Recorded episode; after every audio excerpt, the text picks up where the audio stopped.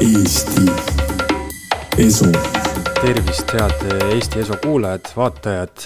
täna on mul külas juba teist korda Urmas Sõõrumaa. tere, Urmas. tere, tere. väga meeldiv, et said tulla ja täna räägime vabas vormis kõigest, nagu kokku leppisime. aga esiteks tahaksin küsida sellist asja, et meil on kõigil probleemid, kõigil on nii-öelda oma kont, mida järada. aga pealtnäha, kui ma vaatan, siis oled sa väga hea tervise juures, sul on lapsed, sul on äh, armastus, sul on finantsilises mõttes kõik hästi. et äh, mis sinu jaoks elus kõige olulisem on? see oli jah, niisugune hea huvitav loetelu, et äh, mina kui niisugune natuke niisugune taoistliku kasvatusega inimene, et äh, tao ehk tee, me kõik oleme teel ja päeva lõpuks oleme me kõik ühes samas punktis või sarnases punktis, nii et nii et ma olen seda näidet toonud oma Rotermari arendamisega, et ma olen loonud sinna rahalises või materiaalses mõttes väärtuse, mis on, mis on täna umbes sama, kui ma ei oleks seal mitte midagi teinud oleks istunud kakskümmend aastat seal varemete otsas ja müünud täna selle ehitusõiguse maha kellelegi, siis see puhas väärtus oleks täpselt sama. ehk see on väga niisugune maapealne kujund, et need teed, mida me käime, on erinevad, aga, aga koht, kuhu me jõuame, on, on praktiliselt sama. et põhimõtteliselt ma loen sellest välja, et ikkagi mitte siis lõpptulemus ei ole oluline, vaid see, kuidas sinna jõutakse, see teekond lõpptulemus on, lõpp, lõpptulemus on nagunii, nagunii ütleme, et niimoodi, kuidas öeldakse, selge mm. -hmm. et äh, aga tee on erinev ja kuidas me seda teed käime, siis kellel, kellel lapsed, kellel pered, kellel rohkem või vähem finantsasjad, aga, aga, aga noh, ütleme, et, et siin duaalses maailmas toimub ju elu, elu plussi ja miinuse ja, ja selle vahel toimub siis, siis äh, tasakaalu otsimine. et, äh, et äh, kui kellelegi tundub, et on kuidagi finantsidega korras või, või rohkem või palju, no ma arvan, et, et seal teisel tasakaalu poolel on ka vastutust, muret ja täpselt sama palju. Noh. et, et noh ma, ma pean väga lugu ka neist, kellel, kellel väga ei ole ja, ja kes naudivad ka seda, et neil väga ei ole mm -hmm.. noh, kindlasti on neil eh, seal siis sellel teisel poolel ka nagu ütleme niimoodi, tasakaalu poolel ka nagu siis sedavõrra vähem.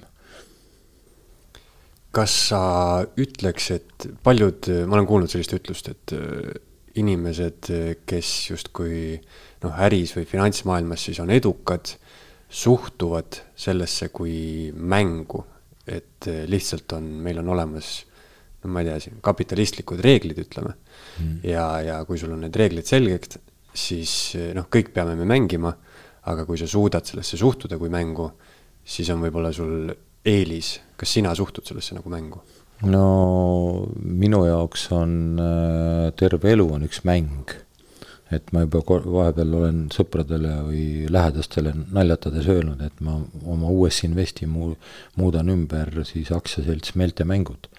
ehk oma meelega me, kui meil meel on tugev, siis me võime tulla, ma ei tea, spordis maailmameistriks ja ehitada suuri maju ja mõni sõdib ja mõni oskab noh, ütleme, et kõik käib meele kaudu et me, meel on üks äh, võimas, äh, võimas instrument ja võimas äh, ka filter, et seal, kus on meel, seal on jõud ja energia mm. -hmm. viimasel ajal on siin läbi käinud erinevaid uudiseid, et öö, oled sisenenud taksoäri maailma ja võib-olla ka siis rendiautode maailma. kui sa vaatad tuleviku poole siis eh, millised on need valdkonnad, kuhu tasuks eh, oma siis näiteks seda meeletugevust eh, või siis raha või mida iganes panna.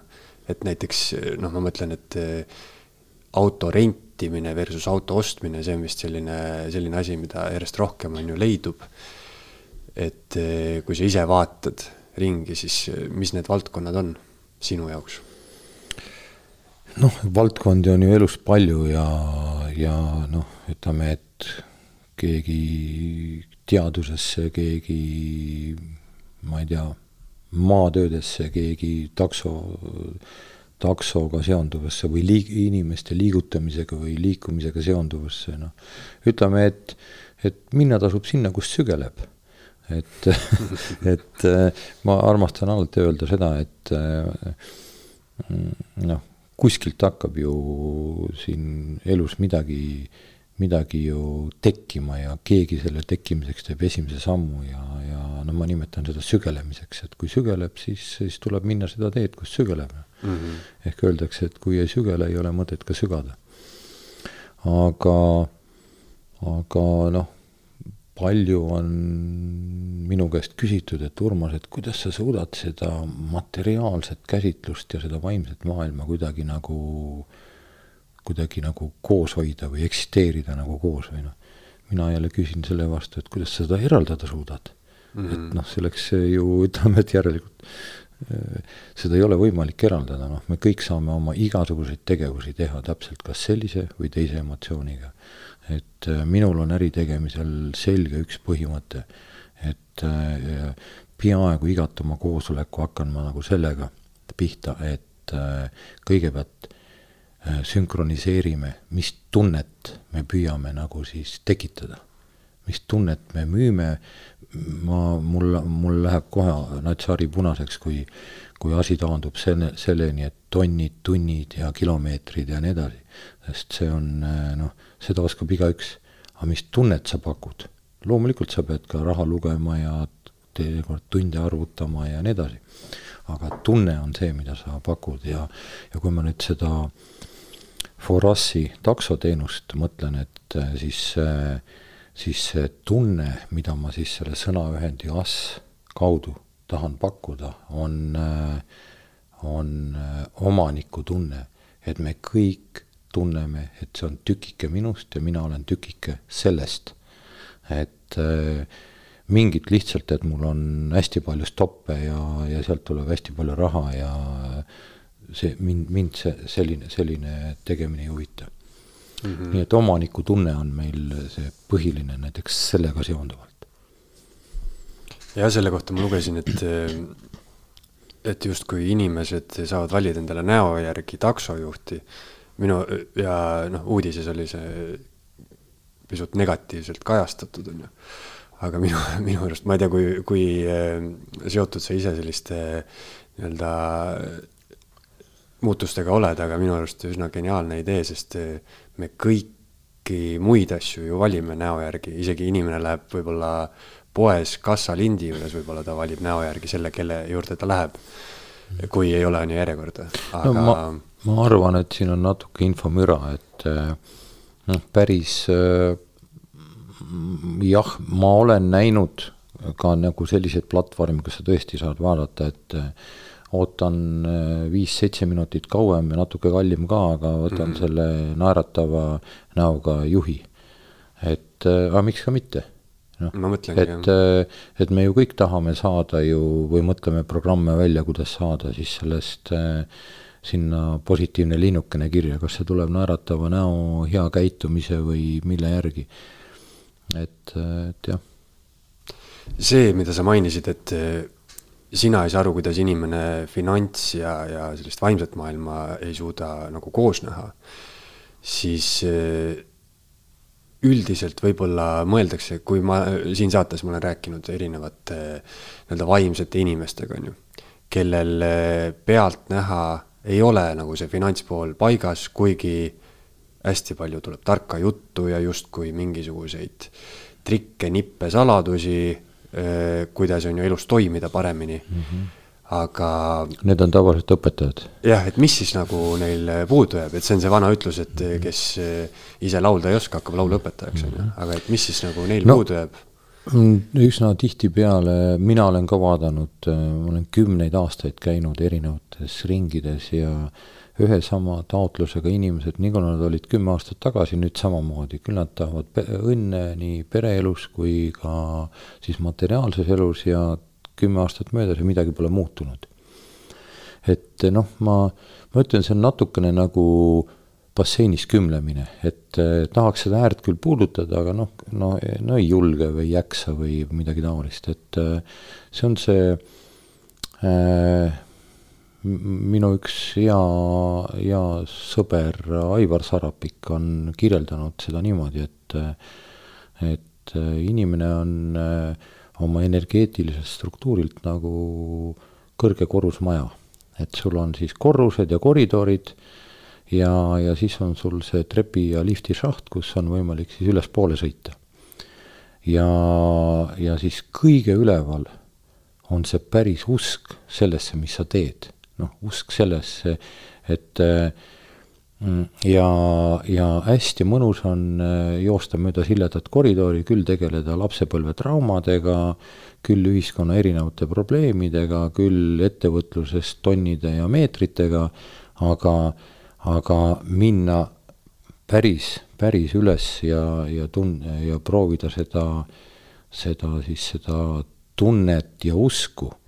noh, see on see usk, mis äh, asub, asub seal, kus juba häälekaja enam ei kuule ja kus äh, valg-, näed veel valguse taha ka või, või kus valgus, ütleme, et noh, see on, see on, see on veel kaugemal, kui sa suudad seda kirjeldada või ette kujutada. kui sa sellesse usud, siis kõik asjad realiseeruvad. aga me tihtipeale oleme mitu korrust allpool, lappame siia-sinna ja siis arvame, et midagi toimub, noh. et noh, vahest toimub, vahest ei toimu ja selle, selle usuga tuleb mul meelde see, et kui sa käisid mul viimati saates, see oli kaks aastat tagasi, siis oli hästi põgusalt oli jutuks Pime ruum, aga sealt mul ilmselt oli siis mingisuguse mõtte sa panid mulle pähe mm. -hmm. aga pool aastat hiljem umbes ma jõudsin ise siis Pime ruumi, kus ma olin küll vähe aega, viiskümmend tundi, aga ikkagi oli väga huvitav kogemus kus koha peal see oli? Pärnus Tuulelee, Tiibeti talus ah, Tiibeti. on, on neil sihuke, sihuke maja ehitatud ja. siis. nüüdsest on äh, Pühali Heaolukeskuses, selles minu maakodus ka üks väga vahva pime ruum. mitte üks ruum, vaid seal on lausa neli erinevat tuba. sa oled ta ehitanud maa alla või? maa alla, jah mm. -hmm. nii et ta on äh, mäe sees äh,, ühesõnaga maa all mm. -hmm ja ma olin viiskümmend tundi, siis ma mõtlesin, et, et ma nagu ei söö ka midagi, aga ma ei ole kunagi nii kaua ilma söömata olnud, et ma võtsin igaks juhuks ikkagi mõned banaanid ja õunad ja asjad kaasa, aga ma ikkagi ei söönud neid lõpuks. aga see, kuidas ma seda kirjeldaks, on see justkui natuke nagu omas mahlas praadimine ja samas ka selline mis mulle tundus seal niisugune leili laval istumine ja nagu omas mahlas siis higistamine või aga iseenesest äh, hästi mõnus. noh, viiekümne, viiekümne ühesõnaga umbes teisel-kolmandal päeval tavaliselt tulevad inimese hirmud välja mm. -hmm. hakkad, hakkad, hakkad, noh, igasugused hirmud, noh, tavaliselt pimeruumis see, et äh, aga äkki ma ei saagi siit välja või mm. -hmm. kuigi, kuigi see väljaminemine on ainult ukse lahti tegemise kaugusel, aga, aga hirm tekib ikka jah, ilmselt umbes nii oligi, et teisel päeval, kaks ööpäeva siis ma nagu olin, et mm. siis hakkas, siis hakkas mul see praadimine nii-öelda pihta, et esimese päeva ma vist põhiliselt, põhiliselt magasin. Mm. et hästi kõva uni oli. aga kui sa peaksid alustama finantsmaailmas täiesti nullist, mitte midagi enam ei oleks, et mida sa teeksid esimesena? kas sa läheneksid sellele ikkagi ainult selle mentaliteediga et sealt, kus sügeleb, sinna ma midagi pakun või sa teeksid äh, midagi muud? no põhimõtteliselt ikka nii, et äh, eks ma teeks nagu siis platsi puhtaks ja vaataks natukene ringi, et et loomulikult pole mõtet peaga vastu seina joosta ja ja, ja, ja noh, ütleme, et alati on noh, vähemalt minu arust mõni valdkond Äh, rohkem ootamas ja vajab, äh, vajab, äh, vajab nagu, nagu mingi, mingi koha täitmist, aga noh, ütleme, kui ma läheks nüüd nagu praktilisemalt, siis äh, eks ma pean jälgima enda loomust, minu loomus on teenindaja.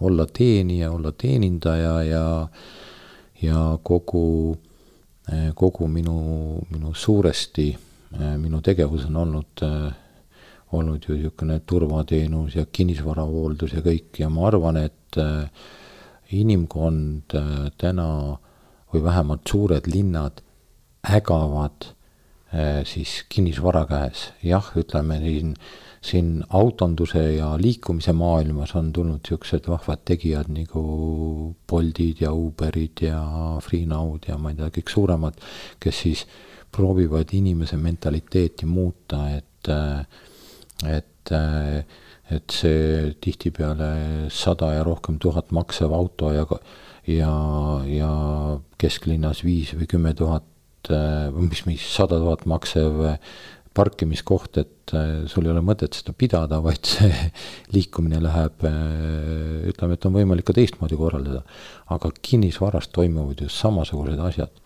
meil ei ole vaja ju näo kohta saja ruutmeetrist korterit või meil ei ole tegelikult vaja osta seal mõnekümne tuhande ruutmeetri, mõnekümne tuhande euri eest mingi koht, kus meil seisab pesumasin, kus äh, ma ei tea, kord nädalas heal juhul paned tööle, vahest harvemgi ja, ja siis on meil kuskil mingi tööriistakast, eh, kus äh, mingi panipaik, kus kus on pigem träni ja, ja me üliharva kasutame ja siis ütleme, mingisuguste aastate tagant teeme lihtsalt suurpuhastuse.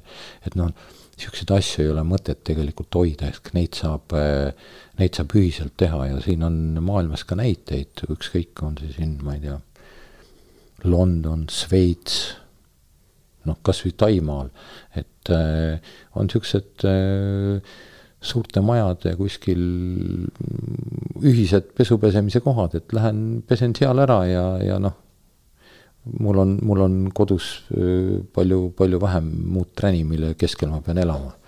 noh, ehk ühesõnaga küsimus oli, et mida ma teeks, et mhm. tõenäoliselt ma ikkagi oleks seal inimese teenindamise ümber, et prooviks talle ikkagi pakkuda tänapäevaseid asju ja ja, ja prooviks äh, olla talle nagu, nagu esimeseks abikäeks selles äh, suures tehnomaailma virvarris, sest ka kui meie kodud on kõik tehnikaid täis, millest me kasutame umbes viis protsenti, seitse protsenti, umbes sama palju kui mobiiltelefoni võimalustest.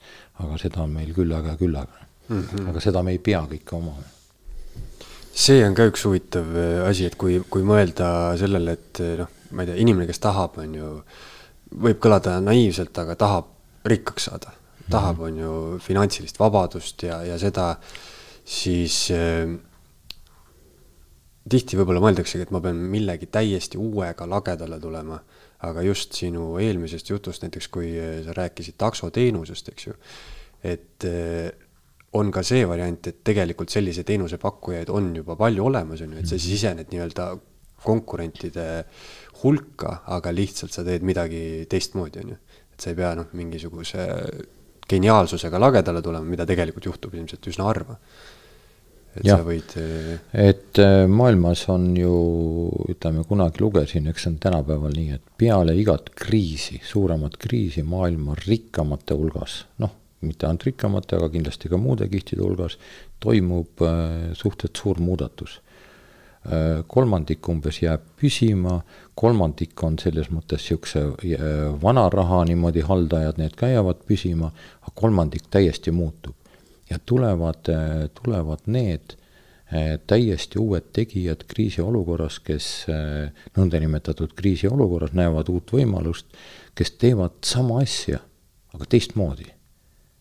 ja kasvavad üsna kiiresti, ütleme siis noh, ütleme niimoodi, siis on, on edukad, aga noh, minule sõna rikkus on natukene nagu võõras, et ma pigem kasutan ise sõna jõukus ja jõukus on hoopis laiemapõhjalisem sõna kui rikkus mm. -hmm. jõukuse alla siis Sinna ma eeldan, et käivad kõik need, mis ma sinu kohta alguses ette lugesin, tervis ja, ja, ja, ja kõik, perekond ja kõik, muud. kõik, kõik mm -hmm. muud asjad, jah. Äh, kas sa oled äh, mõelnud ka näiteks proovimise mõttes, et äh, sa rääkisid, et teenindusvaldkond on justkui see, on ju, kuhu sa enda energia võib-olla suunaks, kui sa peaks täiesti nullist alustama. Aga kas sul vahepeal tekib selline tunne, et tahaks proovimise mõttes võtta ette mingisuguse täiesti teise valdkonna ja, ja proovida seal, et nii-öelda lihtsalt enda võimed nii-öelda panna tööle mingis täiesti teises keskkonnas ja vaadata, mis juhtub? noh, eks seesama tegelikult see taksondusega ja asjade veoga ja rentimisega seotud asi tegelikult on see IT-alane, tegelikult on see platvorm. ja see on mind alati paelunud, et ka teeninduse juures selline, selline juhtimiskeskus, mis suudab siis äh, kuidagiviisi äh, niimoodi hästi ökonoomselt toimida siis erinevate klientide vahel ja ja, ja ütleme noh, ma olen nimetanud seda näiteks kas või seda just, just see takso ja taksojuhi mentaliteet, et mulle see nagu meeldib, et äh, on vähe äh, valdkondi elus, kus sa saad nagu nii paindlik olla, et et täna sõidan lennujaama viis kuuekümnega, homme kaheksa kuuekümnega ja ülehomme seitse kuuekümnega ja midagi hullu ei ole. aga proovi sa mingis muus eluvaldkonnas olla nii paindlik, et et, et, et seal need, seal need asjad on kuidagi nagu huvitavad ja neid on hästi äh, hästi ütleme niimoodi huvitav ka transformeerida tegelikult teistesse eluvaldkondadesse. Kui sa vaatad, kui kuskil midagi ei käi, noh täna paned äh,, paned näiteks mingi auto külje peale mingi reklaami ja võid selle, pea, võib-olla pead selle eest maksma mitusada mitusada euri kuus, aga ma arvan, et varsti on nagu niimoodi, et keegi paneb sulle prügikasti, ilusa prügikasti reklaamiga ukse ette ja, ja pakub sulle veel raha ka selle eest ja ütleb, et isegi prügi ei pea sisse panema. aga versus see, et sa pead selle eest veel maksma, et see sul ära viiakse, noh, tegelikult noh mm -hmm., et, et noh, nii, nii, nii huvitav on, on ütleme, see selles mõttes selle, selle natukene selle platvormi ja, ja sellesse, sellesse suhtumine või nendesse teenustesse suhtumine läbi, läbi siis platvormi käitumise on nagu huvitav see, see hindade paindlikkus on ja, kui sa rääkisid sellest, et siis on, noh, mul tuli meelde, et põhimõtteliselt on ju, et kui sa müüd talvel, müüd talvejopet, siis sa saad küsida selle eest rohkem, kui sa müüd suvel, on ju, aga see on üsna pikk aeg. ja, ja samasugune mingisugune võrdlus, mida ma olen kuskil internetis näinud, on see, et kui sa võtad pudeli vett, siis poes maksab see üks euro, kinosaalis maksab see kolm eurot, on ju, ja lennukis maksab see kakskümmend eurot mm. -hmm. et põhimõtteliselt sama toode, aga lihtsalt vaheta keskkonda ja hind muutub kardinaalselt, on ju. aga äh, kui me räägime sellest, et, et sa teed palju, milline sinu igapäev üldse välja näeb kas sul on ikkagi niimoodi, et sa ärkad kell viis õhtul ja magama lähed alles öösel ja kõik tunnid on tegemist täis? Mis sa esimesena teed, kui sa üles ärkad? Mm, noh, kõigepealt palju minu vanaema ütles ja alles eile ma kasu-, kasutasin ka sellist väljendit ühes ringis, et inimene ei tee kunagi palju hobusega veetakse palju. kui keegi arvab, et ta teeb palju, no siis ta kuidagi on kuidagi kuhu, kuhugi kinni jäänud, et äh, et inimene on loodud oma läbi erinevate tegevuste tulema siia maailma lihtsalt arenema ja ja, ja minul on äh, niimoodi, et noh, kuidagi on nii sattunud, aga ma kirjeldan seda, seda selle viie elemendi noh, niisuguse Hiina või taoistliku viie elemendi käsitluse, et minu, minu äh, sellise kõige olemuslikum element on tuli ja minu väljend on, väljendus on maa ja minu väljund on äh, kolm korda suurem kui minu, minu tuli, järelikult mul on alati äh, kolm korda rohkem äh, ütleme, võimalust midagi teha, kui mul on tegelikult aega ja vahendeid et kui mul on tund aega vaba aega, siis universum pakub mulle kolme tunni eest kohe sinna igasuguseid tegevusi ja kui mul on äh, mingi hulk vaba raha, siis ma kohe, kohe kerge kartusega vaatan, et kohe viskab universum mulle ette kolm korda rohkem kohti, kuhu ma kohe väga pean selle raha ära panema. Et, äh, et minu väljundiga on nii, aga mõne, mõnede inimeste väljundid on jälle kinni. Ja kui ma tihtipeale siin mõnele nõu annan ja tihti ka minu käest nagu küsitakse, et siis, siis ma alati vaatan, et mis on tema olemus, mis, mis on tema väljund ja mis on, mis on tema tema siis mingid takistavad või toetavad energeetilised äh, jõud sees. Ja see on, see, see käib selle viie elemendi kaudu. aga kuidas sa teed valiku, ütleme näiteks, kui sul tulebki tohutu, kolm tohutult head ideed, siis mille järgi sa ikkagi valid, millele, sest sa ei saa ju kolme asjaga korraga no, teha. kuskilt sügeleb ikka rohkem kui, kui teise koha pealt natuke. lihtsalt analüüsid läbi ja? jah, analüüsin mm -hmm. läbi ja, ja ka teatud astroloogilise käsitlusega on äh, on äh, noh, minul endal antud nii, et minu esimene emotsioon siin maailmas tõenäoliselt oli esimestel hetkedel ja on ka täna, et nii kui ma silmad lahti teen, nii ma kohe, ma vaatan kõiki asju kerge imestusega.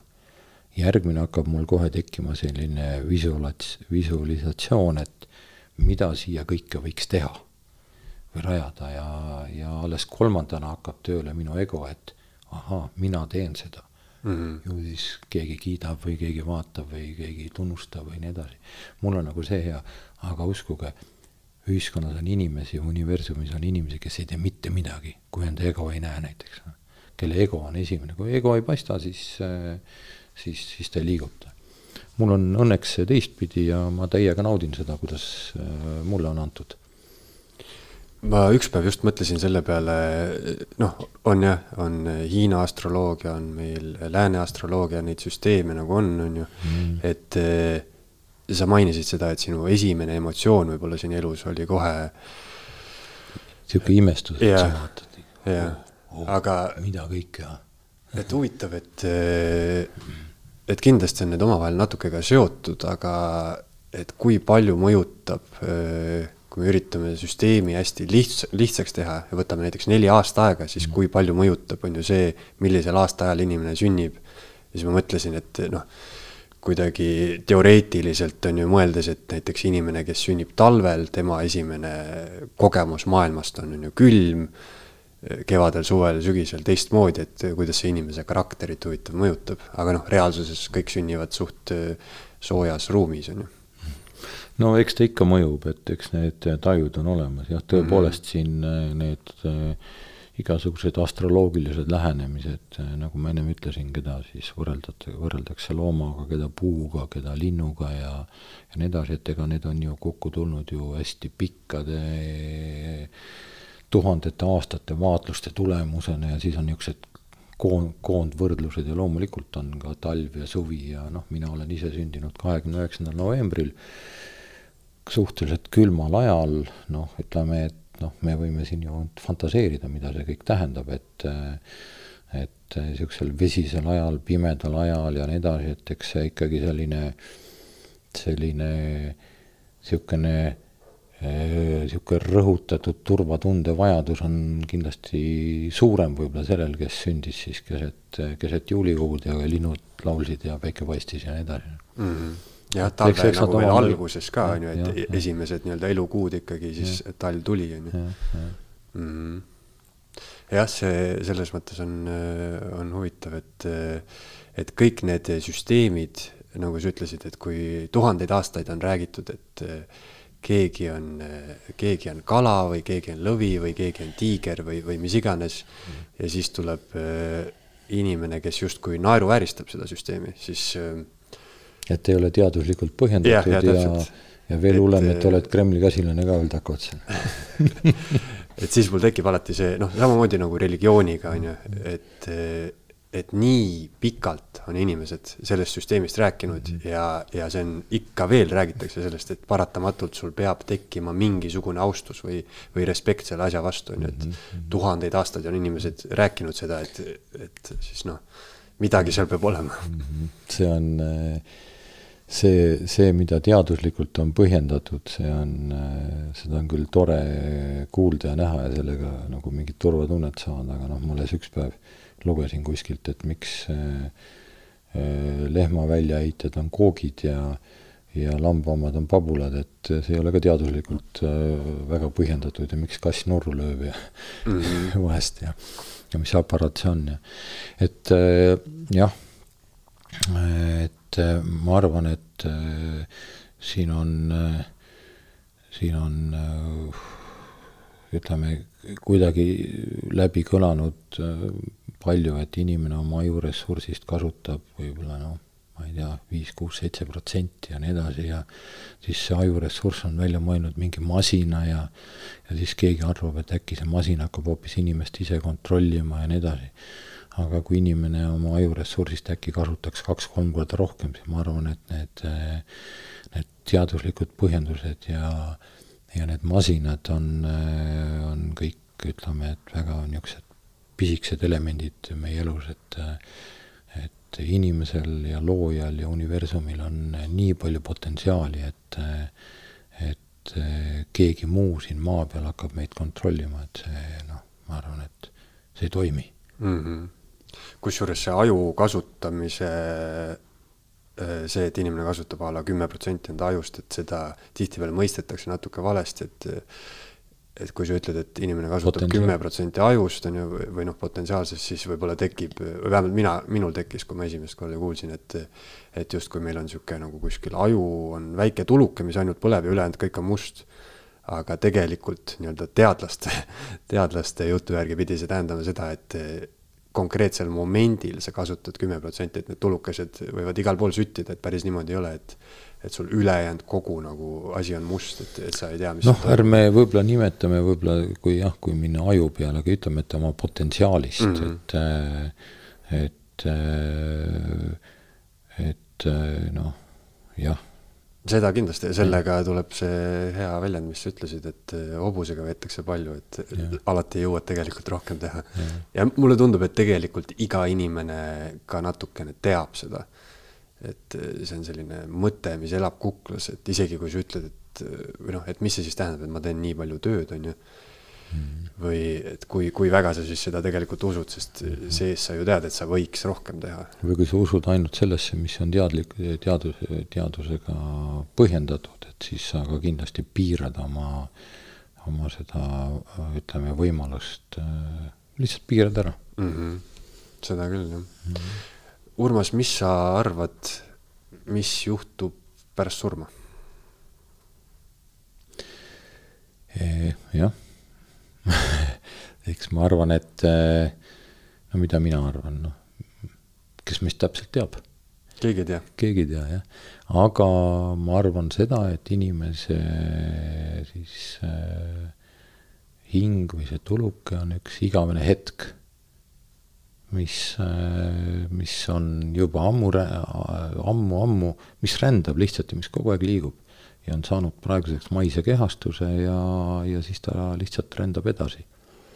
ja, ja siin toa-, maises elus, mida nimetatakse eluks, on siis duaalne maailm ja siis on ta sattunud siia plussi-miinuse tasakaalu nagu vahele ja ja, ja, ja siis äh, noh, palju on räägitud äh, või noh, natuke seda, et mis roll on siis meie vanematel ja mida me siin kaasas kanname ja mida mitte ja noh, a la lapsepõlvetraumad ja nii edasi.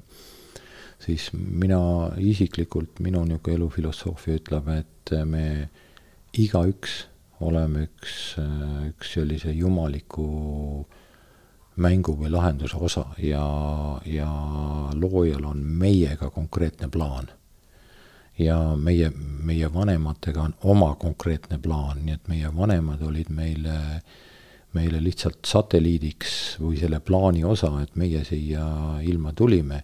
ja kas me seda kaasas kanname endaga või mitte, siis, siis jah, me tihtipeale kanname seda kaasas, aga minu see juba eelpool kirjeldatud, et, tule ikka sealt koridori pealt ikka sinna lifti sahti ja astu lihtsalt samm kõrgemale ja kui tunned, et oled võimeline veel kõrgemale astuma, siis vaata veel kõrgemale ja lõpuks näed siis tegelikku enda, enda algallikat või enda seda ühendust ja kui sa selles elad, siis kõik siin reaalses maailmas on sellest madalamad täpikesed ja kas sa sellega ühendud või ei ühendu, kui sa ühendud, siis, siis tekib sinna vibratsioon, see tekib nii teadlikult kui ka alateadlikult, tekib siitpoolt alustatuna või sealtpoolt alustatuna, noh, ja, ja kuidas sa seal vibratsioonis sipled, see on ka kõik sinu enda teha mm. -hmm. et, äh, et jah, pikk jutt, aga, aga kes meist täpselt teab, nii et mina, mina isiklikult äh, arvan seda, et, et see igavene hetk äh, lendab edasi. kuni, kuni kuni võib-olla, võib-olla saab uue võimaluse, lahenduse tulla siia veel kord katsetama, kuidas on äh, siin kahe jalaga ringi käia maa peal et kõige, mulle tundub, et igaüks nagu sellele mõtleb, igalühel on teatav oma teooria ikkagi, et see on selline küsimus, mis noh, isegi kui sa ei mõtle, siis see kuidagi, kuidagi on inimesega lihtsalt kaasa sündinud, see küsimus on ju. no ma, ma ütlen seda nagu natuke sellega, et muidu see jutt jääb võib-olla liiga võõraks, et kui inimesel võtta käsi jalg otsast ära, siis see valutab ja sügeleb edasi. no seda mm. nimetatakse fantoomvaluks. mis asi valutab? energiakeha valutab, järelikult energiakeha, keha ei kao ära kui võtta terve keha ära, no siis ei maksa arvata, et energiakeha ära kaob. energiakeha jääb alles. aga kus ta siis on? noh, ta on tegelikult siinsamas. nii. ja, ja kuidas siis seal energiakehas olla, kui, kui, kui see jalg ära võetakse näiteks ja see fantoomvalu on, no siis eh, seda ei saa ju niimoodi ära pühkida, seda ei saa ka seda on ka raske määrida ja, ja, ja sinna ütleme, süste teha ja nii edasi, aga, aga mida me saame teha, me saame selle valu omaks võtta, me saame seda aktsepteerida, me saame isegi selle, selle, sellele valule olla tänulik, sest tõenäoliselt see valu meid midagi õpetab, paneb meid midagi teistmoodi tegema ja nii edasi noh, ja nii on kas või näiteks Tiibeti suremise kunst ja nii edasi, siis selle selle põhisõnum on see, et, et kui sa siit ilmast lahkud, et siis sul on ainukene võimalus aktsepteerida ja mitte mõista kohut. aga kuidas sa saad seda teha sellel hetkel? no tõenäoliselt tuleb midagi välja, kui sa suurema osa elust harjutad seda. Aga kui sa ei harjuta, no siis on esialgu raske vest mm. -hmm jah, selle jaoks ju räägitakse, et on ka selles mõttes inimese keha on niivõrd tark, et sel hetkel on ju, kui sa surema hakkad, siis sul hakkab siin käbikehas hakkab eh, nii-öelda voolama see asi, mis sul voolab siis, kui sa näed unenägusid, et see nagu justkui pehmendab seda üleminekuprotsessi natukene, et ei oleks nii suurt paanikat. jah, ja et needsamad käbinäärmeühendused ja seal ümber toimuv ja ja see ajukeemia, see, seda saab kõike tunnetada ka noh, mingil määral pimeruumis ja mm., ja, ja noh, jah, kõik see. kui palju sa ütlesid, et, et sa natukene usud, et justkui ütleme, universumil siis on iga hinge jaoks või iga inimese jaoks siis mingi teatav plaan, et kui palju sa vabasse tahtesse usud või sa usud, et, et saatuse mõttes on näiteks, näiteks sinu elutee on kõik ikkagi täpselt pidanud nii minema ja see on suht paigas noh, ma, ma olen ka, mina olen väga selle vaba tahte pooldaja ja nii edasi, aga see, et ma olen vaba tahte pooldaja, on ka minu koodis kirjas. See, et ma sellesse usun ja ma suudan sealt ammutada ja ka, ka see on kirjas, nii et noh, lõpuks on niimoodi, et kõik need arutelud, kui meil, kui meil oleks siin veel mitu tundi aega, siis äh, tegelikult kõik on äh, selles mõttes äh, selles lõpmatuse ringis et äh, kõik, kas ennem muna või ennem kana või kas ennem kumbalt poolt siis see liikumine algab plussi või miinuse poolt või seestpoolt välja või väljast sissepoole ja kus see sügelemine pihta hakkab, siis kõik need arutelud viivad lõpuks sinna, et äh, see on üks igavene ring. et, äh, et jah. jah, see, see on küsimus, millele ma olen elu jooksul palju mõelnud, et kas siis kõik on kaks või kõik on üks, et justkui noh, nii virtuaalne maailm, et eh, isegi see arvutikeel on, on ju üks ja null, üks Lõpuk, ja null. lõpuks on ikka kõik, lõpuks on ikka kõik üks mm. -hmm. lõpuks on kõik üks, aga siin duaalses maailmas, mida nimetatakse elu, oleme siis äh, oleme siis, armastame ikkagi, ikkagi, et kuidagi, et on pluss ja miinus ja vaadake, selle, selle teooria nagu käsitluseks ma ma oskan mõõta inimeste nagu plussi ja miinuse osakaalu nagu, nagu sees, noh, enda sees ja võib-olla ka kellegi teise sees. ja, ja tavaliselt on see niimoodi, et meestel on siis see plussi pool kuskil nelikümmend ja see miinuse pool, või tähendab kuuskümmend ehk ülekaalus ja, ja nelikümmend siis enam-vähem kolmkümmend viis, nelikümmend on siis nõndanimetatud naisenergia või miinusenergia pool. ja naistel vastupidi, domineerib siis naisenergia ja, ja siis mida rohkem sa suudad siis keskele ehk sinnasama juba kirjeldatud äh, koridorile lähemal ehk oma valguskanalile lähemal olla, seda harmoonilisem sa oled. siis ütleme, et nelikümmend viis, viiskümmend viis suhtega, siis sa oled juba niisugune magus olend. ja, ja kui sa vaatad nüüd kõiki neid jumalusi, ükskõik, on need budad või, eh, või, või siis Jeesus Kristus või keda tahes, siis kui sa neid tegelikult vaatad, siis nad on kõik niimoodi, et sa isegi ei saa täpselt aru, kas ta on mees või naine. see tähendab seda, et ta on väga keskel. ja, ja noh, meil kõigil tasub sinnapoole püüelda, nii et kui, kui keegi tuleb ja ütleb näiteks, et oi, ma olen nii kõvas nüüd naise energias, et ma kohe lahendan kõik oma naisprobleemid ära, siis minu ütlemine on, et kullakene, sa ei ole tema sisemise mehe ära tapnud, noh sa ei lahenda mingit probleemi, kui sa oled oma sisemise mehe ära tapnud. tõsta ta troonile, kõik laheneb. et ja vastupidi ka mm, -hmm. meestele sama jutt. et, et olla ülimehelik ja, ja, ja lahendada oma, oma väliseid nõndanimetatud naistega seotud probleeme, tähendab seda, et, et lihtsalt lase oma sise, mehel rahuneda ja küll see naine ise seal tantsima, õitsema hakkab algul sees, pärast väljas. nais- ja meesenergiast tohutult nüüd räägitakse ja ma arvan, et sa ei mõtle, on ju seda, et, et kui nagu püüelda selle tasakaalu poole sinna suht keskele, viiskümmend, viiskümmend poole, on ju et eh, siis sa ei mõtle inimesi, kes eh, nagu oma sugu siis eh, ei taha määratleda või noh, ütleme need. ei, ma ei mõtle seda, ma mõtlen ikka seda sisemist mängu mm. -hmm, pigem energia. ma mõtlen tasu. sisemist mängu, see nais-mees on pluss-miinus, tuli-vesi, noh, seda võib igatepidi nimetada mm, -hmm. kellel, mhm. kellel mugavam on. aga noh, see on seesama yin ja yang märk ja see, see kanal on see täpselt, kus see keskel see joon läheb, see on pidevas liikumises ja mida, mida lähemal sa sellele proportsioonile oled seal, seda, seda rahulikum sa oled mm. -hmm. mida rohkem ääres, seda, seda rahutum ja ütleme, et kõik maise maailma nüüd nõndanimetatud äh, ütleme noh, nii kuidas öeldakse, niisugused geniaalsed või võimsad asjad on tehtud kiiksuga inimeste poolt, need on, on reeglina tegelikult väga tasakaalust väljas. et tõestavad oma sisemist tasakaalutust tegelikult väliste tegevustega mm. -hmm. sest inimene teeb eh, ju ütleme, kõik, mis väljas toimub, on ju sisemise peegeldus. aga mida sa, ütleme, ma ei tea, igapäevases toimimises pead silmas nais- ja meesenergia all?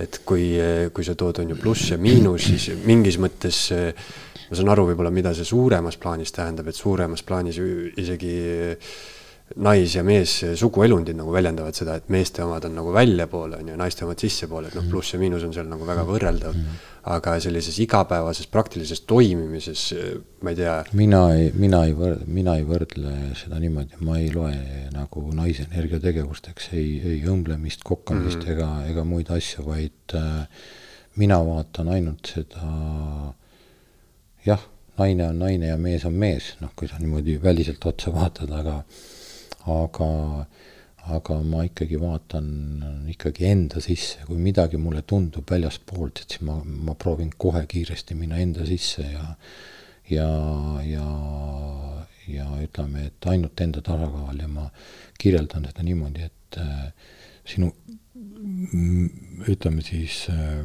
sisemise meesenergia nagu omadus on tegelikult mitte võidelda, vaid lihtsalt olla kohal. olla lihtsalt kohal kuulata ja sisemise naisenergia vajadus on tunda turvalisust. ja kui sinu sisemine mees on kohal, siis sinu sisemine naine tunneb ennast turvaliselt, hakkab mängima, tantsima, laulma, tee silmad lahti ja täpselt sama toimub väljas. ja naistel on samamoodi, et lase oma sisemine mees troonile, päriselt sõnades võivad seda paljud teha, päriselt suudavad väga vähesed mm. -hmm. selliseid ähm, just äh, kuningasnaisi kohtab äh, hästi palju tänapäeval, et äh, naised, kes on väga iseseisvad igas mõttes, on ju, nii mhm. finantsilises kui ka, või no vähemalt sõnade järgi, on ju. Mhm. aga tihtipeale mul on sellistele naistele otsa vaadates, siis ma ei tea, kas ma olen seda mõelnud või ma siis tõesti nagu näen seda, aga ma arvan, et see ikkagi on niimoodi, et ma näen seal silmade taga ikkagi teatavat õnnetust et, et kui sa oled selline tohutu rind kummis ja ma olen iseseisev, ma olen tugev ja ja, ja mis iganes, siis, siis on võib-olla isegi paljudel naistel see nagu see tasakaalust väljas, et neis on nagu rohkem meesenergiat siis võib-olla. jah, ärme anname hinnanguid mm, -hmm. aga, aga, aga nii see kipub olema, nii et mm -hmm. ütleme, et tundub, et sa näed huvitavaid asju jah, see hinnangu andmine on täpselt samamoodi nagu, nagu see küsimus, mis mind alati paelub, et kas kõik on üks või kõik on kaks, sest see duaalsus on justkui, ma tunnen, et duaalsus on justkui nähtamatud prillid või, või selline elu kontekst. Et ma pean läbi selle alati vaatama, sest ma ei suuda muud moodi asju mõista, on ju. et kas ma muud, mõistangi kõik, kas pime või valge on või ei ole et mul on nagu niivõrd raske on mõista, et kõik on üks ja siis sellistel väikestel momentidel, kus ma tõesti võib-olla, kas olen seal pimeruumis või, või teen siis mingisuguseid teisi asju, et siis ma nagu väikestel momentidel saan ainult, ainult hetkeks nagu saan aru, et aa, kõik on tegelikult ikkagi üks vist. mina olen leppinud sellega, et maapealne elu on duaalne mm. -hmm. ja seal on pluss ja miinus ja seal vahel on, käib, käib äh, mingi vibreerimine, mida siis väljendatakse tihtipeale emotsioonides ja ja, ja mina olen leppinud, et see siin maa peal nii on ja, ja, ja ja, ja, ja püüan, püüan seda aktsepteerida ja, ja püüan oma emotsioonidest pigem rõõmu tunda või omaks võtta, et et, ma ei, ei ole neid kuskile mõtet visata ega tõrjuda ega nii edasi, vaid, vaid rõõmustada, et need on olemas. kuna mm., kuna ütleme, antud juhul mulle see maapealne asi siin meeldib kas äh, rääkides näiteks äri tegemisest, et kui palju äh, emotsiooni ajel äh, noh, räägitakse, et emotsiooni ajal ei tohi, on ju, otsuseid teha et eh, kuidas sa seda ise mõistad? Või näiteks, kui sa seisad kasvõi selles, et sul on tund vaba aega, on ju, sul tuleb järsku kolm mõtet pähe ja ma ei tea, üks mõte näiteks tekitab väga head emotsiooni, aga samas võib-olla ta ei ole kõige targem, et, et kuidas sa seda, seda olukorda lahendad? no ma arvan ikka see, et eh, mis sul hea emotsiooni tekitab, on ikka pigem õige. ja vot siis tulebki see ajufilter vahele, et ei ole võimalik, üldiselt tehakse nii, ühiskond arvab nii, arvab nii, ja siis sa teed mingi otsuse on, kuidas on. et, et tasub usaldada oma ikkagi seda esimest tunnet, et, et see on tihtipeale õige mm. -hmm jah, kõhutundega, näiteks mingi kerge näide on see, et kui inimene võitleb ülekaalulisusega näiteks, et siis, et väga hea esimese emotsiooni tekitab mõte süüa torti, on ju Mm. aga noh, analüütiliselt siis ta mõtleb, et okei okay,, et homme mul võib-olla ei ole selle pärast nii hea tunne, on ju. Mhm.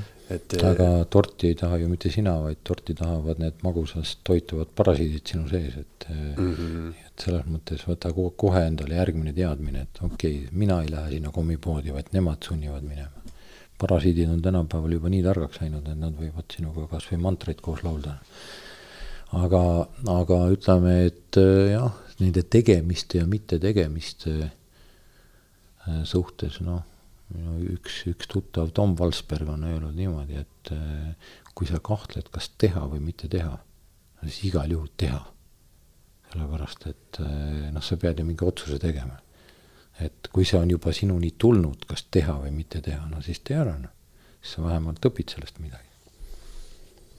see on ka lause, mida ma olen kuulnud, mis kirjeldab täpselt seda olukorda, et et räägitakse sellest, mis suri voodil, mida inimesed kahetsevad, on ju, et siis mitte kunagi sa ei kahetse seda, mida sa tegid, vaid mm. pigem ikka seda, mida sa tegemata jätsid, on ju. Mhm. aga ma arvan, et selle mõttega tõmbamegi jutu kokku ja, ja suur tänu, Urmas, et tulid ja juttu ajasid. Aitäh, aitäh., kõike head kõigile ja käime seda maapealset elu edasi. sulle ka edu kõiges. aitäh. Eesti Eso.